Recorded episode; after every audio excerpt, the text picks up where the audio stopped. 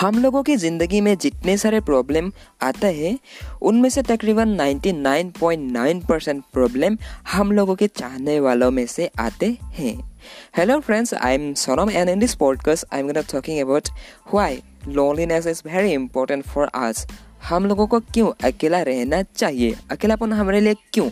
बहुत ही बेस्ट है ओके सो ये बात मैं आपको इसलिए बोल रहा, बोल रही हूँ कि मैं आज से तकरीबन चार सालों से मैं अकेला हूँ। ना मैं ज़्यादा घर से बाहर जाती हूँ, ना मैं कोई किसी फ्रेंड से मिलता हूँ, ना मैं बहुत ही सोशल हूँ। नहीं, मैं सिर्फ़ और सिर्फ़ अपने घर पर रहता हूँ, पढ़ाई करता हूँ और पॉडकास्ट बनाता हूँ, बहुत ही ज़्यादा बुक्स पढ़ता हूँ और यूट्यूब पे वीडियो बनाता हूँ और मैं एक टीचर हूँ तो इसलिए मैं, मुझे ऑनलाइन क्लास करना करना भी पड़ता है। तो मैं यही काम करता रहता हूँ दिन भर। और अब मैं नोटिस कर रहा हूँ कि मुझे तो इन इन सब में, इन सब में से बहुत ही बहुत ही खुशी मिलता है इन सब काम को करते हुए। और यहाँ से मुझे पैसा भी आते हैं तो मुझे कोई दिक्कत ही नहीं है।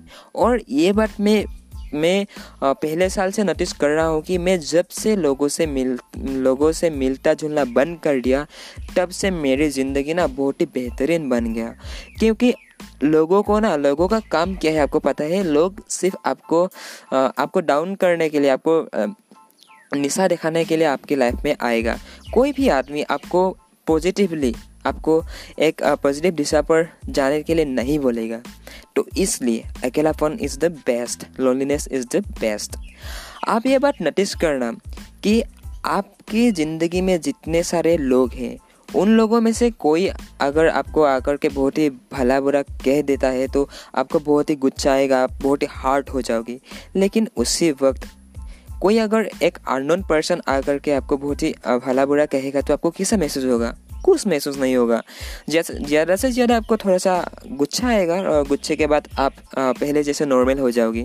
लेकिन उसी वक्त जो आदमी, आप, जिस आदमी को आप पहचानती हो बहुत ही अच्छी तरह से, आपकी फैमिली मेंबर है और आपके अगर कोई सहने वाले हैं तो वो आदमी आकर के अगर आपको बहुत ही बुरा बोलेगा तो आपको बहुत ही बुरा लगेगा, ओके? और आप अंदर से ना बहुत ही हार्ट हो जाओगे, आपको आप रो पड़ोगी, ओके?